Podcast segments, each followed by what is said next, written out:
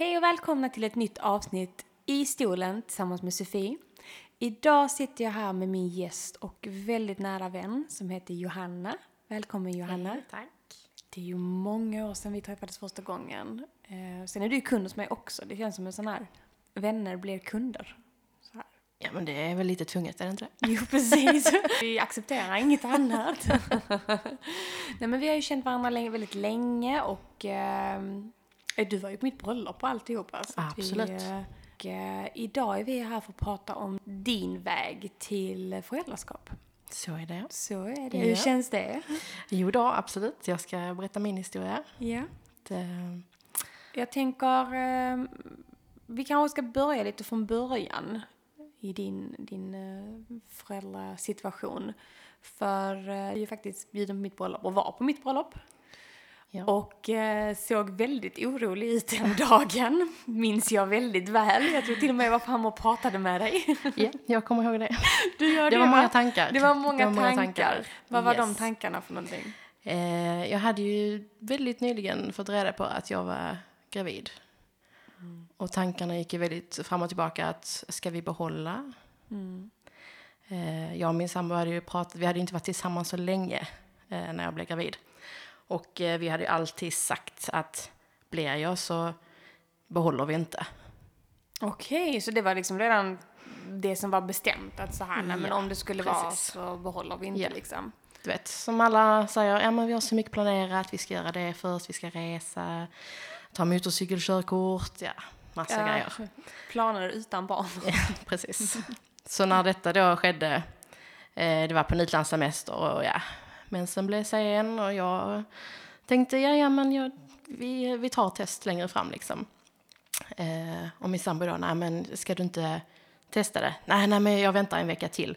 Vet, jag är inte sån som springer och köper ett test snabbt, utan jag har inga hemma heller. Det, utan det nej men jag, jag avvaktar. Eh, och så hade det väl gått en vecka till då, så bara, nej men okej, jag får köpa det här testet. Ehm, jag, tog det, jag ville inte ta det på kvällen heller när jag köpte det. Eh, så jag tänkte, nej jag väntar till morgonen, för det är då man ska ta det, det har jag hört. Eh, så att eh, jag skulle till jobbet tidigt, så jag gick upp redan typ i femtiden. Tog testet själv då. Och det visade sig, gravid, tre plus. Bara, ja. Så jag gick in till min sambo och bara, ja, hej då. Men du sa nej, ingenting. Nej, jag sa Alltså, ingenting. jag- Jag tänkte, ja, jag vet inte. Han bara, ja, vad, vad visar testet? Eh, jag bara, jo det var positivt, men vi, vi, vi tar det sen. och sen gick jag. så att, eh, ja, jag vet inte hur hans tankar gick där, men eh, ja, det var så det, så det Pratades gick ni till. vid under dagen eller det var bara... Eh, nu var det ju ett par år sedan, men eh, jag har för mig att han skrev typ så här, jag kan inte sluta tänka på det du sa i morse. typ hur, så jag bara skrev, ja men vi pratar om det sen. Alltså jag orkar Jag försöker bara skjuta det framför mig. Så jag, men, eh, nej men vi hade ju i- princip redan bestämt oss att vi skulle inte ha barn eh, just då. Nej. Så att eh, jag var väl ändå rätt snabb med att boka en aborttid. Du var det alltså? Ja. Mm. Det var jag. Ehm, Var det någonstans så här, du kände att det var rätt val? Alltså så här att gå och boka en tid eller kändes det som att det var eh, lite jobbigt ändå? alltså det är klart det är alltid jobbigt. Mm. Jag har aldrig varit gravid innan, det var min första gång. Ehm, men, ja alltså nej. Det, var, det är inte jobbigt direkt, nej det kan jag inte tycka. Nej. Inte vad jag kommer ihåg. Mm. Eh, det som blir jobbigt sen, som sagt vi hade ju bestämt oss att när vi skulle inte ha barn då. Eh, och eh, sen så får jag liksom ett sms bara. Eh, nej jag skrev till honom, nu har jag bokat tid. Och svaret på det var, och vi är helt säkra. Och då blir jag osäker. Mm, ja men det förstår jag. Jag bara, men gud om han skriver så, då kanske han, vi hade vi pratade nog inte riktigt Om det. igenom det Nej. ordentligt. När vi väl fick det här liksom positiva. Eh, så att när han skriver så så blir jag jätteosäker. Och sen så går vi fram och tillbaka. Han hade snackat med sina kollegor och de var så här, men det är klart ni ska behålla. Tänk om ni vill försöka sen och så går det inte. Eh, och då blev han osäker. och Jag blev ännu mer osäker. Så tänkte jag, ja men nej, vi avvaktar lite. Jag går och berättar för min mamma, för jag tänkte att jag behöver någon liksom Någon att vända sig ja, till, ja. Ja, men Mm. precis. Eh, skitsvårt att berätta för henne. Jag eh, satt så länge i köket och bara, hur, ska jag, hur berättar man en sån sak? Jag vet inte. Och typ, det tog jättelång tid innan hon skulle gå. Då bara, nu måste jag säga någonting. tag i det. Jag visste liksom inte riktigt hur jag skulle säga det. Så det blev bara liksom att, jag vet inte hur jag ska säga det, men jag är gravid. Och sen så började jag bara gråta. Och så liksom, hon sa, "Nu, du vill, du vill inte vara gravid. Och så nej, det vill jag inte.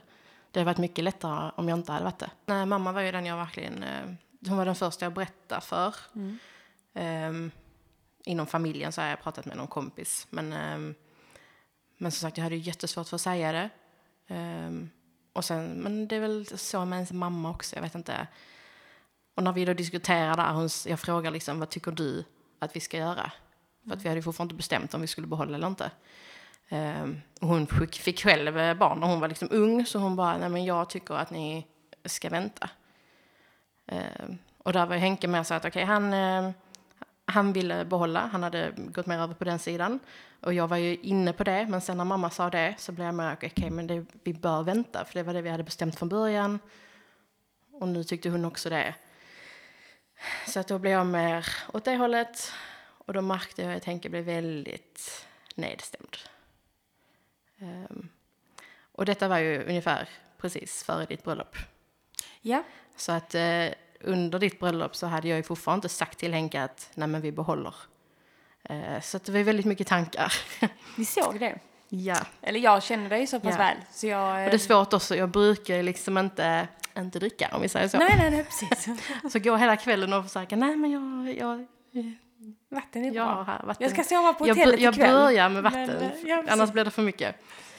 Och jag fick ju också en kommentar liksom, nej nej, Johanna sitter här och, och dricker vatten och hon är gravid och säger ingenting. Och jag bara, haha ja, nej. Roliga ni är. Ah, Så att ja, det var Nej, lite och Det är jobbigt. så roligt för jag såg ju verkligen på det att det var någonting. Mm. Ehm, så jag vet jag kommer fram till dig under festen och bara jag har sett det hela kvällen. Typ vad är det? Ja, du frågade hur, hur är det? Ja. Så jag bara, jo men det är bra. Ja, för du verkar lite så. Ja, Ja. nej. Så jag är inte van vid att du, så här, vi har ju en väldigt öppen relation så jag är inte van vid att Mm. du döljer saker för mig heller. Så jag bara, nej, okej. Ja, nej, det var svårt. Men sen, det var liksom inte tillfälle att säga det där heller. Det var din dag. Och eh, så jag bara, nej, ta tag i mig själv, upp i dansgolvet. så, nu kör vi. Är det fest är det fest. Precis. Men eh, nio månader senare så kom där en liten pojke till världen. En liten pojke. Sjukt Vi- intressant att jag prickade in den dagen också. Jag Jag skrev ju till dig det. exakt den dagen. Vad händer? Ja, jag tror Jag hade en händer eller hur går det? Eller Ja, men jag hade en sån känsla. Mm. Sån liten konstig känsla. Ja. Så fick jag ett meddelande av Henke då att du är hög på lustgas. Yes. Yes. yes. Skön känsla. Och eh, allting var ju frid och fröjd tänkte jag. Han var ju frisk och jättefin. Allting gick pojke. hur bra som helst. Ja. Det gjorde det verkligen. Och sen började ju tankarna. Hur gammal var Lans när tankarna började komma in på ett nytt barn? Alltså tankarna kom ju inte på ett nytt barn utan det var preventivmedel. Det var så pass? Det var så pass. Jag- Okej. Vi ville ju inte ha syskon liksom direkt. direkt. Nej. Så fyra månader ish, eh, efter att han hade fötts så satte jag in spiral. Mm. Det var den hormon då eller kopparspiral? eh, hormonspiral. Hormonspiral. Yes. Och... Eh, Har du haft preventivmedel innan? Nej, jag har inte haft det. Du har inte haft Nej. det? Okej. Så jag kände, jag är inte så här, kommer ihåg att ta massa p-piller och sånt. Nej, då kände jag bättre än spiral. Verkar skitnimt och liksom bara, det sköter sig själv. Ja. Sen eh, ett halvår senare ungefär, det var i februari 2020. Så vaknade jag på natten av att jag har, alltså jag har jätteont. Och jag känner ju att det är liksom i typ livmodern någonstans där. Ehm, och jag brukar inte vara den som liksom säger att jag har ont eller någonting. Men jag fick till och med väcka Henke och liksom snälla, hämta värktabletter. Jag måste, Någonting måste du ta. jag måste så här liksom. Och hur lång tid var detta in efter du hade satt i spiralen ungefär? Ett halvår efter. Det var ett halvår efter. Mm. Ehm, och så, ja, man börjar googla såklart, som alla andra. Och jag får fram liksom så här, men syster eh, på äggstockar, ägg, äggledare, någonting. Eh, så att eh, smärtan går över till dagen efter. Men den kommer typ så här till och från. Ehm, och jag till slut, nej, jag, jag hade rätt ont när jag var på jobbet. Eh, så när jag kom hem där så ringde jag in i akuten och eh, förklarade då, jag trodde att jag hade syster, så hon bara, ja okej, men varför tror du det? Jo, jag hade börjat blöda också. Så var Okej. Mm. det. Ehm, så sa, okej, men ta ett, har du tagit ett graviditetstest? Jag bara, nej, varför skulle, varför skulle jag göra det? Hon bara, nej men, nej men gör det. Och så ring tillbaka. Jag bara, okej. Jag älskar din misstro också. Bara, varför? Ja, men jag hade liksom ingen tanke på att jag kunde vara gravid. Eh, Men jag tar ett test och det visar ju att jag är gravid. Och jag bara tänkte, men gud, vad är detta? Okej. Ehm, och googlar igen. Kommer fram till att det finns något som heter utomkvedshavandeskap. Yes. Och ehm, blev ju säker på att ja, men det, det är det jag har i så fall. Mm. Så att jag ringde gynakuten igen och sa att ja, men jag ringde innan och jag hade de här smärtorna, bla bla bla. Eh, jag tog graviditetstestet och det var positivt. Och då sa de ju bara att eh, eftersom du har spiral eh, så kom in så får vi titta på det. Okej. Åkte du till Helsingborg då? Ja. ja. Så vi åkte in där. Ehm, det var fredag kväll så att det var rätt mycket folk. Eh, Det slår aldrig fel. Nej, precis. Få läkare som vanligt. Så att jag fick ju vänta ett tag. Ehm, eller jag kom ändå i bra tid. Eh, det var många som kom efter mig eh, som fick vänta väldigt, väldigt länge. Så jag kom ändå in hyfsat tidigt till läkaren. Eh, de gjorde vaginalt ultraljud. Eh, och sa ju att nej, men vi kan inte se någon graviditet. Eh, nej, okej. Men det var ju positivt i alla fall på eh, stickan liksom. Ehm, och då säger de ju mer att ja, men det kan vara väldigt tidig graviditet. Så att eh, helt enkelt att man skulle vänta eh, och se hur det... Utvecklades Alltså, ja, man skulle ta blodprover och se hur det här... Eh, jag kommer, nu kommer jag inte ihåg vad det heter. Men det här hormonet. hormonet. Ja, att det stiger. Och t- ja, jag gjorde massa tester, blodprover. Eh, Så du var kvar där så länge? De skickade liksom inte hem dig utan du Eh, in på... Jo, jag ska se, jag tror... Nej, jag fick eh, åka hem. Ehm, och så fick jag då gå till vårdcentralen och ta blodprover typ veckan efter. Om detta var på fredagen så fick jag på måndagen. För det ska ju öka rätt så snabbt, eh, graviditetshormonet, om man är gravid.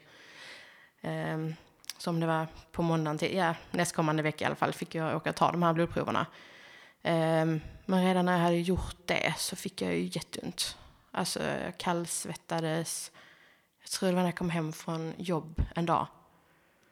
Um, jag bara la mig ner i sängen, jag visste inte vad jag skulle bli av.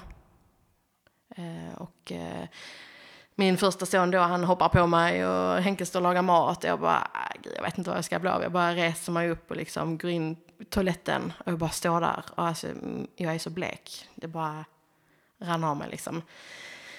Så att eh, då fick jag åka in akut igen. Och eh, där såg de att testerna, de tog ju testerna från vårdcentralen liksom och där såg de att det hade inte ökat som det skulle. Eh, så då var de ju hyfsat säkra på att det var en, ett utomkväds då. Mm. Så att det var ju bara... eh, Kunde man se det på ett ultraljud då eller? Alltså, de kan väl se någon sorts eh, utbuktning på äggledaren. Det var där det hade fastnat liksom. Um, men eh, det är ju sånt det är svårt att se. Tittar man själv på de skärmarna när man är på ultraljud, man bara, vad är det jag tittar på? Så att det är inte jättelätt att se, men um, de såg någonting. Eh, och jag kände ju vilken sida det satt på. Liksom. Jag, om, någon om jag petar här, hur känns det då? Jag bara, ja, där, där gör det ont. Mm. Så att ehm, det var ju där det satt. Och detta var ju under covid-19, så att eh, jag fick ju gå in där själv liksom. Och ingen, ingen med mig överhuvudtaget. Och läkaren sitter där och bara, ja, nej, ja ni, det var inte så att ni planerade eh, en graviditet liksom. Jag bara, nej, jag hade ju, hade ju spiral, så nej, det kan jag väl inte säga. Men eh, hade det blivit så hade vi ju behållit, absolut. Och hon bara liksom så, ja, ja, men då, då gör det typ ingenting liksom. Så var riktigt otrevlig läkare. Jag bara kände, men okej, ja, ja, nej.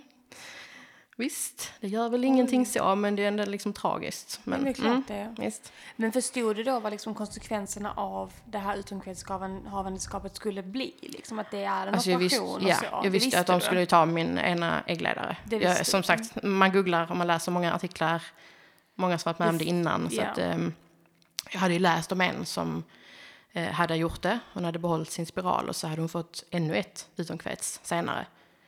Eh, så när jag ligger där och ska opereras, jag frågade först när jag sk- skulle opereras till den här läkaren, så jag får jag gå ut och säga till min sambo liksom, eh, nej du kan inte gå ut till dem nu utan du får ringa dem i så fall. Så jag fick liksom inte ens gå ut och säga hej då, ingenting, utan jag bara fick ringa, ja, jag ska opereras, ni kan åka hem, hej då. Så det var lite, det var tufft att gå igenom det helt själv. Alltså covid-19 för många tror jag, och speciellt inom förlossningen och, liksom, Ja. alltså då gyn tänker jag generellt sett att oftast behöver man kanske det här stödet från någon och man blir ofantligt ensam i många beslut. Eh, Och framförallt även om man väntar barn, det behöver inte bara vara förlossningen utan hela den här processen av att få kontakt med vården under covid-19 var fruktansvärt Ja, det var för folk. Jag tror det verkligen visade vilka brister som finns i vården när, och hur man tänkte. Det är inte en normal situation att hamna i att så från ena sekunden till en annan ska du få veta att du ska opereras och de ska ta bort en del av ditt organ. Alltså... och att Jag fick men- inte säga det till min son. Jag bara, nej, Nej. du kan ringa dem. Ja, okej. Vi fick sitta där liksom på, vi stod på varsin sida dörren. Jag kunde liksom så se dem. Vi fick prata i telefon. Ja, nej, hej då. Så att, ehm, Jätteskumt alltså. det var lite så. Men ehm, Och det då var var ju inte ens var. så gammal tänker jag. nej, han var ju sju, åtta månader. Tio, tio. Ja. Nej, något sånt. Ja. Så att, ehm, mm. Det var tufft, men eh, samtidigt, jag hade aldrig opererats innan. Lite så här rädd för det, eller inte rädd för det, men jag märkte att när jag åkte in i operationssalen så frågade sköterskan bara, är du nervös? Och jag säger nej. De har ju mig uppkopplad så de ser ju starkt. Jag känner hur mitt hjärta dunkar liksom. Men eh, nej, det gick bra. Allt gick bra. Ehm, men jag sa ju också precis innan de sövde mig liksom, så, så eftersom jag hade läst den här artikeln om tjejen som hade fått Ett till. ett till så sa jag, eh, ni får jättegärna ta ut min spiral också. Mm. Eh, så de bara, ja, vi ringer upp läkaren så att han får höra dig säga det liksom. Så det gjorde de, så att eh, den plockades också bort. Och eh, operationen gick jättebra. Och eh, ja, Livet fortsatte efter livet det liksom. fortsatte ändå. Och sen så blev ju tankarna mer på att ja, men vi vill ha ett syskon. Mm. Så att eh, till sommaren där ville vi börja försöka. Och eh, vi började försöka. Men eh, alltså, jag känner min kropp väldigt bra. Så jag kände ändå så här att ja, men, jag, jag är gravid nu, jag känner det på mig. Jag kände någonting hända i min kropp. Mm. Eh, Men när jag tog ett graviditetstest så var det negativt. Jag bara kände att okej, okay, jag, jag kanske hade så fel men jag kände på mig att det hände liksom. Ehm, och så fick jag då en blödning och blödningen bara fortsatte. Så tänkte jag, okej, var detta min mens eller var det liksom, vad är det? Ehm, och eh, då börjar jag jag, jag, jag släpper inte den här känslan av att men jag, jag är gravid, jag känner ju fan det på mig. Så jag tar ett test lite, eller det var så att jag jobbade också, så fick jag samma känsla igen. Det här, jag blev kallsvettig, Ehm, det började göra ont. Så jag, jag tror bara jag kom till jobbet och sa nej, jag, jag får gå hem igen för jag håller nästan på att svimma. Så jag gick hem, jag hade ett test hemma, så jag, eller om jag köpte det, jag kommer inte riktigt ihåg. Jag tog testet och det visade positivt.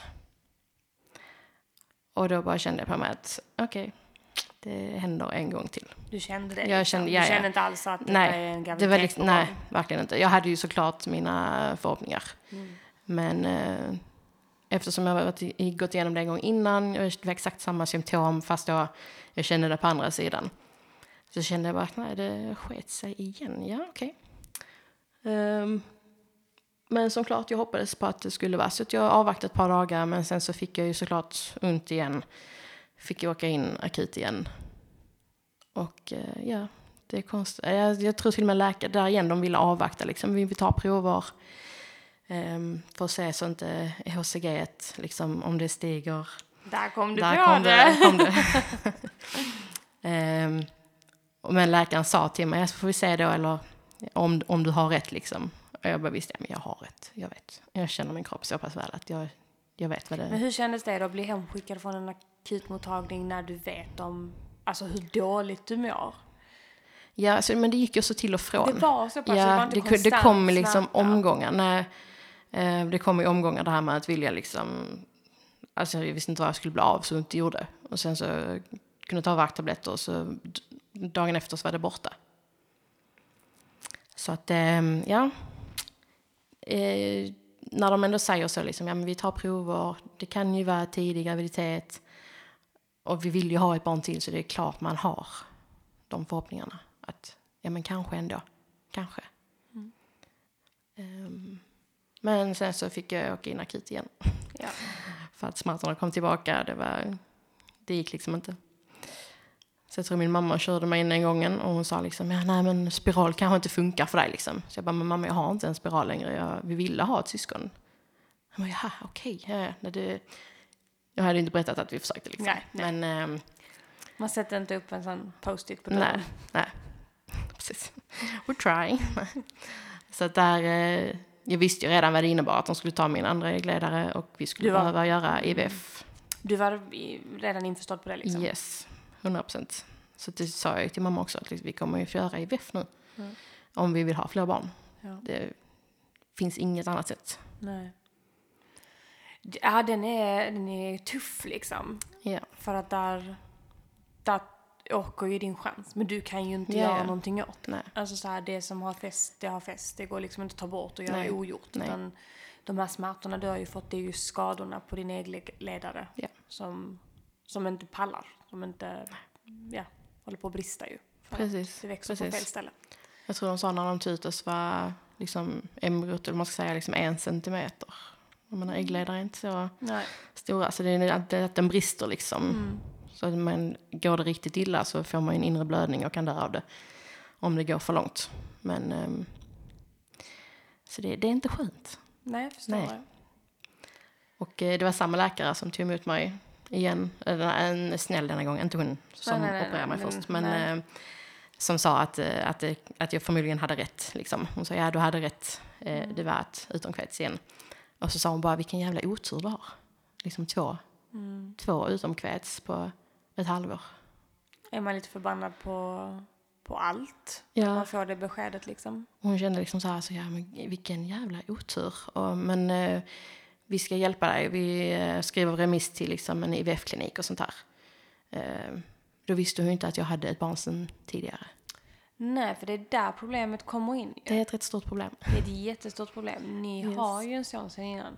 Och det innebär att staten går ju inte in och hjälper. Nej. Vilket kan jag kan tycka kan... Jag är jättekluven i den frågan. För jag förstår Jag också. det. För Även att, fast jag har varit igenom det så Ja. ändå... Men precis, men jag Mm. förstår ju att de har regler för att alla ska kunna få lov att få ett barn. Ja. Men det tar ju inte bort att du inte kan. Förstår du vad jag menar? Alltså så här, att du ska limitera ditt liv Mm. om man inte har ekonomiska förutsättningar till att betala en IVF-process. Mm. Så ska du stanna kvar där det, Då i får det du har man fått. nöja och sig då får med du man har. Mm. nöja dig. Samtidigt så är man ju sjukt tacksam för det man har fått. Precis. Men de säger ändå också till dig att vi hjälper dig hit, men inte längre. Mm. Och eh, nej, jag är jättekluven i den frågan. Och sen samtidigt förstår man ju för att det är folk som väntar som inte har fått barnen, som behöver också hjälpen. Det är väldigt många som försöker. eh, Allting ser bra ut men det händer bara inte för dem. Mm. Eh, sen kände jag ju för mig, alltså jag kunde inte få barn. Nej. Vi kan inte försöka liksom. Nej, och hade Det vi kunnat försöka, chans. hade ni ju kunnat gjort det, hade Ja. vi bara haft 10% chans så hade Ja. vi ju försökt ändå. Precis, men nu var det liksom noll. Mm. Eh, Men samtidigt att veta det så att ja, men då vet vi vad felet är. Vi vet att vi bara har chans till IVF. Så att då kör vi på det. Mm. Så det var redan bestämt så att från och med att du är liksom Eh, nej. repad och... Nej, nej. Nej. Eh, det, Henke bestämde sig för att nej, men han ville bara ha ett barn. Mm. I och med att allt det där hade hänt. Han tog det väldigt hårt. Han tyckte det var jobbigt. Eh, Ja men det kanske, mm, jag tänker många tar ju olika händelser i livet som ett, ett tecken också. Bara, nej men då, då, då ska vi bara ha ett. ja, absolut. absolut. Eh, nu, han är väldigt orolig för allting. Så, så här, vi har fått ett friskt barn, ja men då är han nöjd med det. Men jag kände ändå att vi har båda växt upp med många syskon. Han har tre systrar, jag har många bröder. Ska vi bara ge vår son liksom inga syskon? Och där insåg han väl också att han vill ju ge sin son syskon. Så han gick med på ett till. Ett till. Ett till. Så då var, liksom, då, då var en IVF-process godkänd, tänkte jag Yes. säga så här. Yes. Godkänd Jag sa, eh, jag hade bokat ett möte utan att ha visst om det. Eh, eh, och när, när jag drog upp det här då så sa han liksom att ja, men jag vet inte om jag vill ha fler. Så jag bara, nej, men vi har ju pratat om att vi skulle göra IVF. Eller jag, kanske var mer inne på det än vad han var, jag vet inte, men jag trodde att vi hade liksom bestämt det. Och där började diskussionen, eh, boket var, eller mötet var ju bokat, så jag bara, ja men ska jag avboka det? Så han bara, nej men vi, vi går på det liksom. Så gick vi på det och pratade igenom Finns och det, det olika kändes bra. kliniker att välja då, tänker jag? Eller hur Eh, fungerar ja. det? Ja. det finns det. Eh, och den här läkaren som var så väldigt trevlig som jag hade, eh, hon, när hon fick reda på att Nej, men det, det är detta du har, det är IVF du kommer få göra, så sa hon jag rekommenderar Livio i Malmö. Så att det var liksom inget annat, jag bara direkt, ja men vi tar det. Ja, Men du fick förtroende för henne? Ja, verkligen. Så att eh, vi körde på Livio och en jättebra klinik, verkligen. Eh, har varit nöjd på alla möten. Och hur går det till? Så du ringer och bokar en tid? Ja, ringer och bokar en tid. Egentligen Ja. är det så här fertilitetsutredning. Eh, nu visste ju vad, vi, vad Ja, felet har var man för mig. en, Liksom. eh, alltså tänk så här diagnos, men har man Mm. ett pro- problem som är liksom redan utrett så kanske inte man behöver utredas. Det känns ju lite Nej. Men det är på my- mycket som ska gå igenom då. Det är blodprover och eh, Henkes eh, simmare ska kollas liksom, så att de är dugliga. Och ultraljud på mig, se så att eh, livmodern ser bra ut, slemhinnor, allting. tycker det är jätteroligt att vi kvinnor oftast får bara lägga sig på britsen och ska undersökas och sen när det kommer till männen som ska undersökas då jävlar blir det problem. Då är det stressigt. Då jäklar. Nej, men det, det gick bra. Vi började rätt tidigt. Eh, var vintern 2000... Måste ha varit 2020, ja det var det. Med- jag vill egentligen inte, för jag är väldigt planerat så att jag vill ha vårbarn. så att jag ville börja med detta liksom, till sommaren. Men jag tänkte, tar man då ett möte vid julen där så Tar man vet ju aldrig hur lång, eh, lång tid processen tar. Men de var typ så här, nej men vi har ingen väntetid så det är bara att köra igång direkt. Och jag bara, ja men vi kan vänta lite. så att vi körde ju prover och sånt, allting såg bra ut. Eh, och sen så var det då till sommaren körde vi igång efter semestern där. Och eh, Och hur går en sån process till, tänker jag? Man bokar ett möte, nu har ni haft mötet, nu sätter ni igång. Vad är liksom steg ett efter mötet? Eh, ja. det är många steg här. Nej, men eh, det börjar ju kolla liksom så hur ser min äggreserv ut? Mm. Har jag många ägg? Kollar man det på via ultraljud? Ja, precis. Det är ultraljud. Ultraljud. Eh, så ligger man där man bara, ja. Eh, hon bara, ja man märker att du är ung. Må- många ägg i alla fall, så det var ju bra. Allting såg jättebra ut. Eh, så bestämmer de då medicinering efter hur det ser ut. Har jag då många ägg så kan jag liksom inte stimuleras för mycket med medicinerna för då kan man bli överstimulerad, producera för många ägg och då kan det i sin tur bli farligt. Det blir syster då till slut, eller? Eh, nej, men det är väl mer att man, liksom blir, man blir jättesvullen och kan få vätska i buken. Liksom. Då måste man läggas in och kontrolleras. Okej. Mm. allt det här. Så att eh, om du normalt ett sätt liksom ska släppa ett ägg så tar man de här sprutorna för att kanske släppa ja, men 10-12 ägg. Om man tänker ändå, det är rätt mycket mer. Det är rätt så mycket mer, ja. Ja. Så att um, börja med sprutorna fick man göra Mm. Och de, hur tar man dem? I magen. I magen? Yes. Hur många gånger? Alltså är det, är det, en, är det en veckaperiod man kör? Alltså liksom så att Alltså man, oftast är det man kör igång, eh, man ringer kliniken och säger, men nu har jag haft min eh, mens. Eh, och då räknar de ut att ägglossningen borde ske den och den dagen. Så att två dagar efter mens, till exempel, jag kommer inte riktigt ihåg nu hur det var, eh, så börjar du med den här sprutan. Eh, och den ska du ta i så många dagar. Och sen lägger du till den sprutan för att du inte ska få ägglossning. Så att då tar man två sprutor Och så ska man då på ett eh, ultraljud och kolla så att växer äggblåsorna som de ska. Eh, ska de öka medicineringen, sänka? Hur ska man göra liksom? Eh, men det mötet jag var på, det såg bra ut. Det var bara att fortsätta. Eh, och så beräknar de då, de ser ju, de mm, alltså räknar ut diameterna de säger, på liksom äggblåsorna. Eh, de ska vara typ 20 millimeter eller vad, någonting var det eh, innan de är redo att släppas. Så de mäter ju alla som finns där, räknar ut att ja, men du kan ta sprutan som gör att äggen liksom släpper eh, den här dagen, exakt det klockslaget. Okej. Och när man väl har tagit den sprutan så måste man liksom till kliniken eh, dagen efter tror jag det är. Så att de gör äggplocket. Mm, Okej. Och hur går ett äggplock till? Man kommer till kliniken för eh, byta om till fina kläder. Man får lite smärtstillande, lugnande. Eh, för det är inte jättenice. Det kommer en stor jävla nål in genom slidväggen, in genom äggstocken och sen så suger de ut liksom äggblåsorna. Och jag fick ont bara du sa det. Ja, Jag känner hela magen bara knöt sig. ja. Man har hört många säga liksom att gud det är det värsta jag har varit med om. Eh, nu, jag har aldrig oroat mig så. Jag oroade inte mig inf- inför det för att jag är väldigt smärttålig. Eh, men det var ändå skönt att få morfin, absolut. Man fick säga lite till, lite till. Fyll på, fyll Så fick man samtidigt då följa liksom på eh, skärmen när de gjorde. Så man såg liksom klart och tydligt när de sög ut. Så det var väldigt spännande faktiskt. Jag Ja. låg bara, gud vad kul detta är. Och de bara, ja det tycker vi också. jag tänker det, liksom få, få se det också. ja, det var häftigt att eh, få följa hela processen. Så att eh, medan jag gjorde det så gjorde Henke sin del i sitt lilla rum.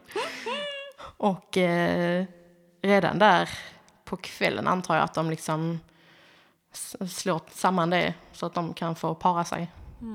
Eh, och dagen efter då så ring, ringer de då. Så ringer de nog och säger hur många Som har klarat sig. ja, som har liksom blivit Befruktade. befruktade. Mm. Och i ett fall, hur många kommer du ihåg? Jag tror de sa att de fick ut 12 ägg, Mm. varav kan det ha varit åtta Ja, som blev befruktade? Sex eller åtta, jag kommer inte riktigt ihåg. Ja. Något av det. Mm. Ehm, och så bestämmer man då vilken dag man ska göra återföringen. Mm. Eh, och det gjorde vi väl två dagar senare. Okej. Mm. Så kände man ju liksom att nu jävlar, nu blir det syskon. Nu blev det syskon. Yes. Ja, för det, alltså, eh, du, du har ju, om man tittar på så, du hade ju kanske inte svårt att få din första son. så Nej, att alltså jag, har alltid, kanske- jag har alltid tänkt att ja, men jag, har, jag har lätt för att bli gravid. Ja, Det är inte så att man tänker att det kommer att vara svårt. nej.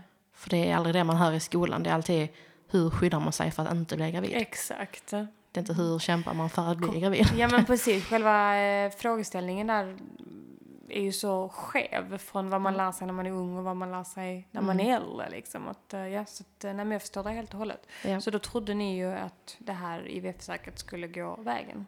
Ja, det trodde vi. Men eh, vi fick ju blödning ett par dagar senare. Eh, så insåg jag att nej, det tog sig inte. Du, du fattar det själv? Ja. Liksom. Mm. Ja, det var ju liksom mensen som kom. Eh, och så när väl äh, testdagen kom liksom, och då är det klart, jag visste ju redan att det skulle vara negativt och det var det ju. Eh, och det är lite så för att alla var så här, men det är klart det kommer funka för er, det kommer gå jättelätt. Och sen när man då får det här, nej Nej. fan det funkar inte, men tänk om vi kommer, tänk om det inte funkar alls för oss. Nej. Man vet ju inte. Nej, och då ska man ju ändå säga så här, det jag känner av dig är ju att du är en av de lugnaste personerna jag känner som tar väldigt allting som det är. Jag är väldigt lugn. Ja, så att när man hör dig prata i dem så förstår man ju även att det har ju stressat dig. För du brukar ju alltid ja. annars vara väldigt, Ja. det, det, det löser sig. Du är Hakuna Matata liksom. Yes. Ja.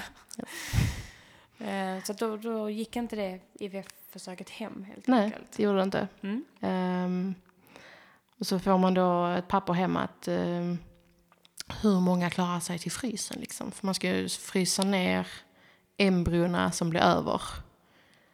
eh, Som blev befruktade. Mm. Eh, och från att vi hade liksom, om det var sex eh, embryo så satte de då in ett, så fem hade vi Kvar. kvar. Då var det ju bara två som klarade sig till frysen. Och det kände lite så här, men gud, vi har bara två försök kvar innan vi måste göra om hela processen. Oj. Så jag tänkte, ja okej. Ehm, vi har i alla fall två. hade brevet kommit och det stått noll, då hade man ju bara shit alltså. Detta, mm. Mitt psyk hade ju dött. Liksom. För det, det var ju liksom så när vi skulle välja liksom paket eller vad man ska säga. Men det finns tre olika. Man kan få en behandling för det här priset, två behandlingar eller tre då för ett lite bättre pris. Så ska vi ta tre behandlingar? Men tänk så funkar det på första, då får man inte tillbaka pengarna. Det blir ju jättemycket pengar. Så nej, men det är klart, det kommer gå på första så vi tar det billigaste. Och sen när det inte funkar på första kände jag, men gud, tänk skulle vi ta tre? Mm. Men ehm, Köpte ni ett paket till då? Nej, vi hade ju de här frysta. Så att Ja. paketet man köper, eh, och låt säga det kostar 37 000 kanske. Mm. Ehm, när vi då skulle göra att man tinar upp ett ägg och gör en återföring bara, då kostar det 18 000. Så att vi behövde inte betala 37 000 till. Men det blev ändå 18 000 till. Så att visst, det är mycket pengar, men inte lika mycket som Nej. en full behandling. Det är ju helt galet att det kostar de pengar. Jag förstår ju det med tanke Ja. på operation. Alltså, Ja, det det är det stora mycket hela som ska till. man ju. Men jag tycker fortfarande att i Det är den... sjuka summor. Eh, bara för att liksom, det som egentligen ska vara så jäkla lätt, det ska bara vara ja, ett ligg. ja, ja, Kostar nu liksom- Kostar 37 000. Ja. Plus 18. Ja. Det är ju helt vansinnigt. Eh, Och som sagt, jag förstår ju att de gör det. Jag förstår ju det. Mm. Men samtidigt tycker jag fortfarande, det, då går man tillbaka till det vi pratade om innan, om vad vi ställer oss i frågan om det ska kosta pengar för de som inte kan. Alltså, Mm. ja.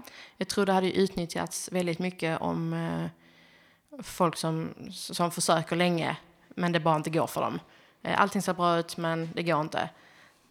Att skulle alla de ställa sig i en väntelista och liksom få allting gratis, det hade ju blivit sjuka köer. Ja, det är klart det hade. Det hade det. Om man då har barn sen innan också, men man vill ha ett till. Alltså det hade ju blivit Jo, klart så det hade blivit. Det hade Om blivit. alla skulle fått chansen till att få det gratis. Så att, Men, Ja, nej men alltså som sagt jag tänker så här att bara, bara skaffa barn, alltså då tänker jag så här, det är dyrt med mm. kläder, spjälsäng, vagn, alltså alla de grejerna kostar ju så mycket pengar. Även om du köper det begagnat så är Ja. det mycket pengar. Ja. Och jag menar de här 37 plus 18, då har man ju ändå kirrat av det mesta som kostar rätt så mycket. Sen blir det ju liksom, summan växer ju för att barnet växer. Och Jag menar det första året är det dyraste året Mm. Ja. för barnen liksom. Men... Eh, Men vi har ju lagt mer på vår andra hittills vår första.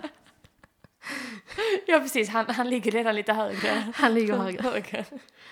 Men Okej. så vart. Mm, Så jo men det är klart Ja. Har man, som sagt, vi hade sparat undan till detta eh, Mm. för att vi ville göra det. Och där finns ju möjlighet att ta på avbetalning om man inte har de pengarna Mm. liksom direkt. Ja för att jag tänker så här, det är liksom en del kanske kan tycka, ja men om inte man har råd med det ska man inte skaffa barn. Så, så, men, men de pengarna, du, du kirrar ju av så mycket på listan för de pengarna. Ja. Alltså redan. Och lägga de pengarna för någonting som är gratis för någon annan. Som du säger, ett ligg. Eh, vissa ens, så många o, o, vad ska jag säga, oönskade graviditeter som, som finns. Ja.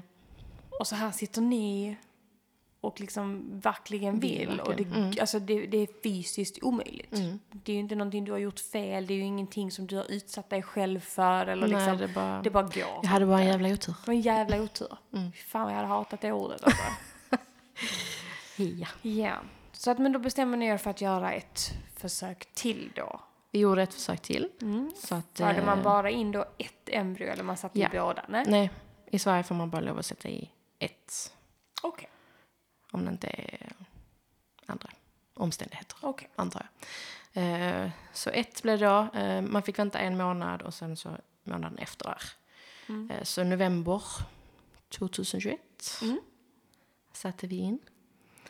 Ehm, och där fick jag ju inte en blödning. Så då Nej. kände jag, men denna gången denna gick det. gången Denna gick gången gick det. Och man kan ju inte vänta till testdagen. så att man tar testet lite tidigt. Men det var positivt. Det var det. Det var positivt. Ja, vad kul. Ja. Säger jag som att jag inte vet om att jag har sånt till. Men vad kul! Så att, eh, men eh, jag kan ju säga, alltså från första graviditeten där jag hade liksom noll oro alls. En andra graviditet där man har kämpat så mycket, alltså man är orolig för allt. Det gick ju bara någon vecka så fick jag ju liksom här småblödningar. Jag kände direkt att nej okej, nu, nu är det kört. Eh, så att få det där första ultraljudet, det tidiga ultraljudet var dagen innan julafton. Eh, och då såg man hjärtat slå. Så att det var ju den bästa julklappen vi Man kunde få det året. Ja, Mm. verkligen. Och eh, sen sitter du här idag med två pojkar. Två pojkar. Det blev en pojke. Ni har aldrig kollat upp könet. Nej. Det har blivit surprise båda gångerna. Så imponerad. Hade Så vart det. Jag hade aldrig klarat det. Jag tycker såhär, när andra blir gravida, då vill jag att de ska kolla det för att jag vill veta vad de ska ha. Men jag själv, nej. Så att, eh, ja. Nej, och jag tycker du har alltid, eller du, du gissade ju rätt på min dotter från början. Jag brukar vara jävligt duktig på att gissa. ja, jag Ja, vet om att du brukar vara det, men kände du av att det skulle vara en pojke? Eh, till och från, det var svårt. Mm. Ehm, men eh, ja. Ja, Ja. till slut. Att, Jag sa ju, jag, jag blev förvånad om det blev en flicka. Det sa jag hela tiden. Så att, ehm, ja. det var självklart att det skulle bli en pojke. En pojke till. En pojke till. Det slöt samman familjen liksom. Ja. Men jag tänker, som ni sa, att ni hade ju ett försök kvar. Japp. Yes. Det hade vi. Ett embryo Mm. kvar. I frysen. Ehm, hade. Hade, Hade. past tense. Yes. För att ehm, det kostar en del att ha. Så det kostar pengar att spara embryona också? Det gör det. Okej. Man betalar en årlig avgift. Eh, den gick på 3000 om året. Man ha... får lov att spara ett embryo i 10 år. Oj. Eh, och Henke visste ju att han ville bara ha ett barn till. Ja. Det blir inga fler. Så att gå och betala 3000 kronor om året för någonting vi vet att vi aldrig kommer använda. Visst, man kan ändra sig.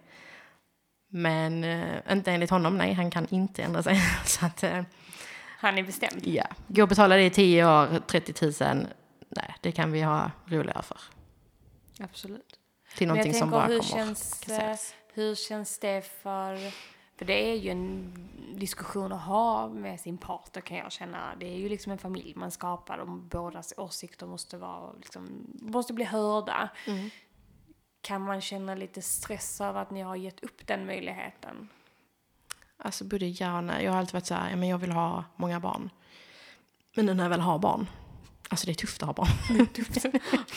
Barn är Och speciellt mina pojkar, alltså de har så mycket energi. Så Två räcker. Ja, tror it's good enough. det är fullt tillräckligt. Ehm, och då kan den ena inte gå än. Så att eh, när han väl börjar gå, då är det väl ännu Ja, mer. Det räcker. nog Stress. Så att nej, jag känner mig ändå väldigt nöjd. Fastän, alltså man, jag tror även om jag hade fått en tredje så hade jag inte varit nöjd där. Alltså man vill hela tiden gå igenom en ny graviditet, föda barn. Alltså det är en otrolig upplevelse. Om känner man sig någonsin riktigt klar? Vet inte. Nu tänker jag så här, nu var du ändå så ung när du fick din första. Mm. Alltså så, tänker jag ju.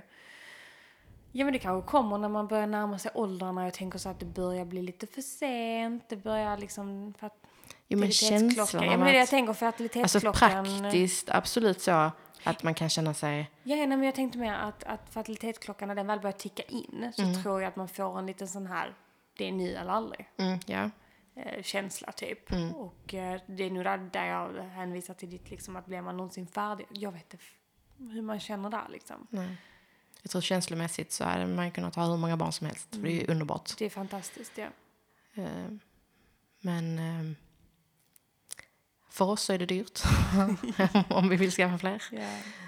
Och eh, nej, jag tror jag är jäkligt nöjd med de jag har. Ja men precis, Ja. du har ju fått två fantastiskt fina pojkar och det är ju bara det guld värt. Ja. Så att eh, nej, jag tycker att liksom alla gör de valen som är rätt för den, deras familj och så här. Och nu känner ni er klara och har, ja, har ju gått igenom den här processen. Men man kan ju ställa sig frågan också hur ni hade ställt er till det om ni inte hade varit... ehm, ja, men hur ni hade ställt er till det om ni inte hade haft svårt för det, helt Mm. enkelt. Mm. Tänker jag. Ja. Att hade man velat ha fler barn då bara för att det inte är den här processen. Alltså det, jag hade säkert skaffat ett till då. Mm. om det hade varit eh, lättare. lättare. Och jag tänker i och med att vi pratar lite om Henkes oro, han har ju varit väldigt orolig för dig. Du har ju genomgått två rätt så liksom omkrävande operationer. Även om det Mm. låter lätt så är det ju ändå att de plockar ju bort or- organ på Ja, en. ja. Eh, att hade han inte känt en oro för dig så kanske han inte hade känt att ett barn räckte. Alltså för han har ju tänkt mycket på dig också. Att han vill inte genom, att du ska genomgå Nej, någonting alltså som kan varje, vara... varje graviditet har ju nästan varit mer jobbig för honom. Man är så här, Mm. kommer allting vara bra med bebisen? Eh, tänk om någonting går fel? Det är verkligen så här yin yang tänker jag med hans oro Ja, jo, och ditt det är det. väldiga Jag är lugn, han är orolig. Vi kompletterar varandra bra. Ni gör det va? Så att ja, nej. Det, Men jag tänker så här, eh, har du några tips till folk som sitter här liksom och har genomgått det du har gjort med en, eh, fått två utomkvedshavandeskap eller fått andra diagnoser som gör att en naturlig graviditet, tänkte jag säga, naturlig, men en naturlig väg till en graviditet är utesluten. Vad är tipset från dig till dem? Alltså tipset är ju prata om det mycket, ta hjälp. Det kan vara väldigt påfrestande. Eh, Jag känner många som går igenom det. Eh, Det kan vara svårt att säga alla andra blir gravida om man själv, det händer bara inte för en själv. Så att liksom var inte rädd för att ta hjälp där. Det är viktigt för en psyke för det kan verkligen bryta ner en. Eh, ha familj och vänner liksom. Eh, Som stöttar upp. Liksom. som stöttar. Och eh, ni var som sagt väldigt, väldigt nöjda med kliniken i Malmö. Ja, Det ja. gör ju också mycket för många kanske stå i vägvalet. Vilken klinik ska man välja och vem ska Precis. man vända sig till? Väljer man att gå privatklinik så rekommenderar jag verkligen Livio Mm, I Malmö då. i Malmö. Ja. Du, stort tack att du kände att du ville prata med mig om detta. Tack för att jag fick komma. Ingen fara. Alltid kul att ha dig här. Vi hörs av nästa vecka tillsammans med en ny gäst. Så får ni ta hand om er så mycket fram tills dess. Och eh, var rädda om er i detta jättedåliga väder. ha det gott så länge.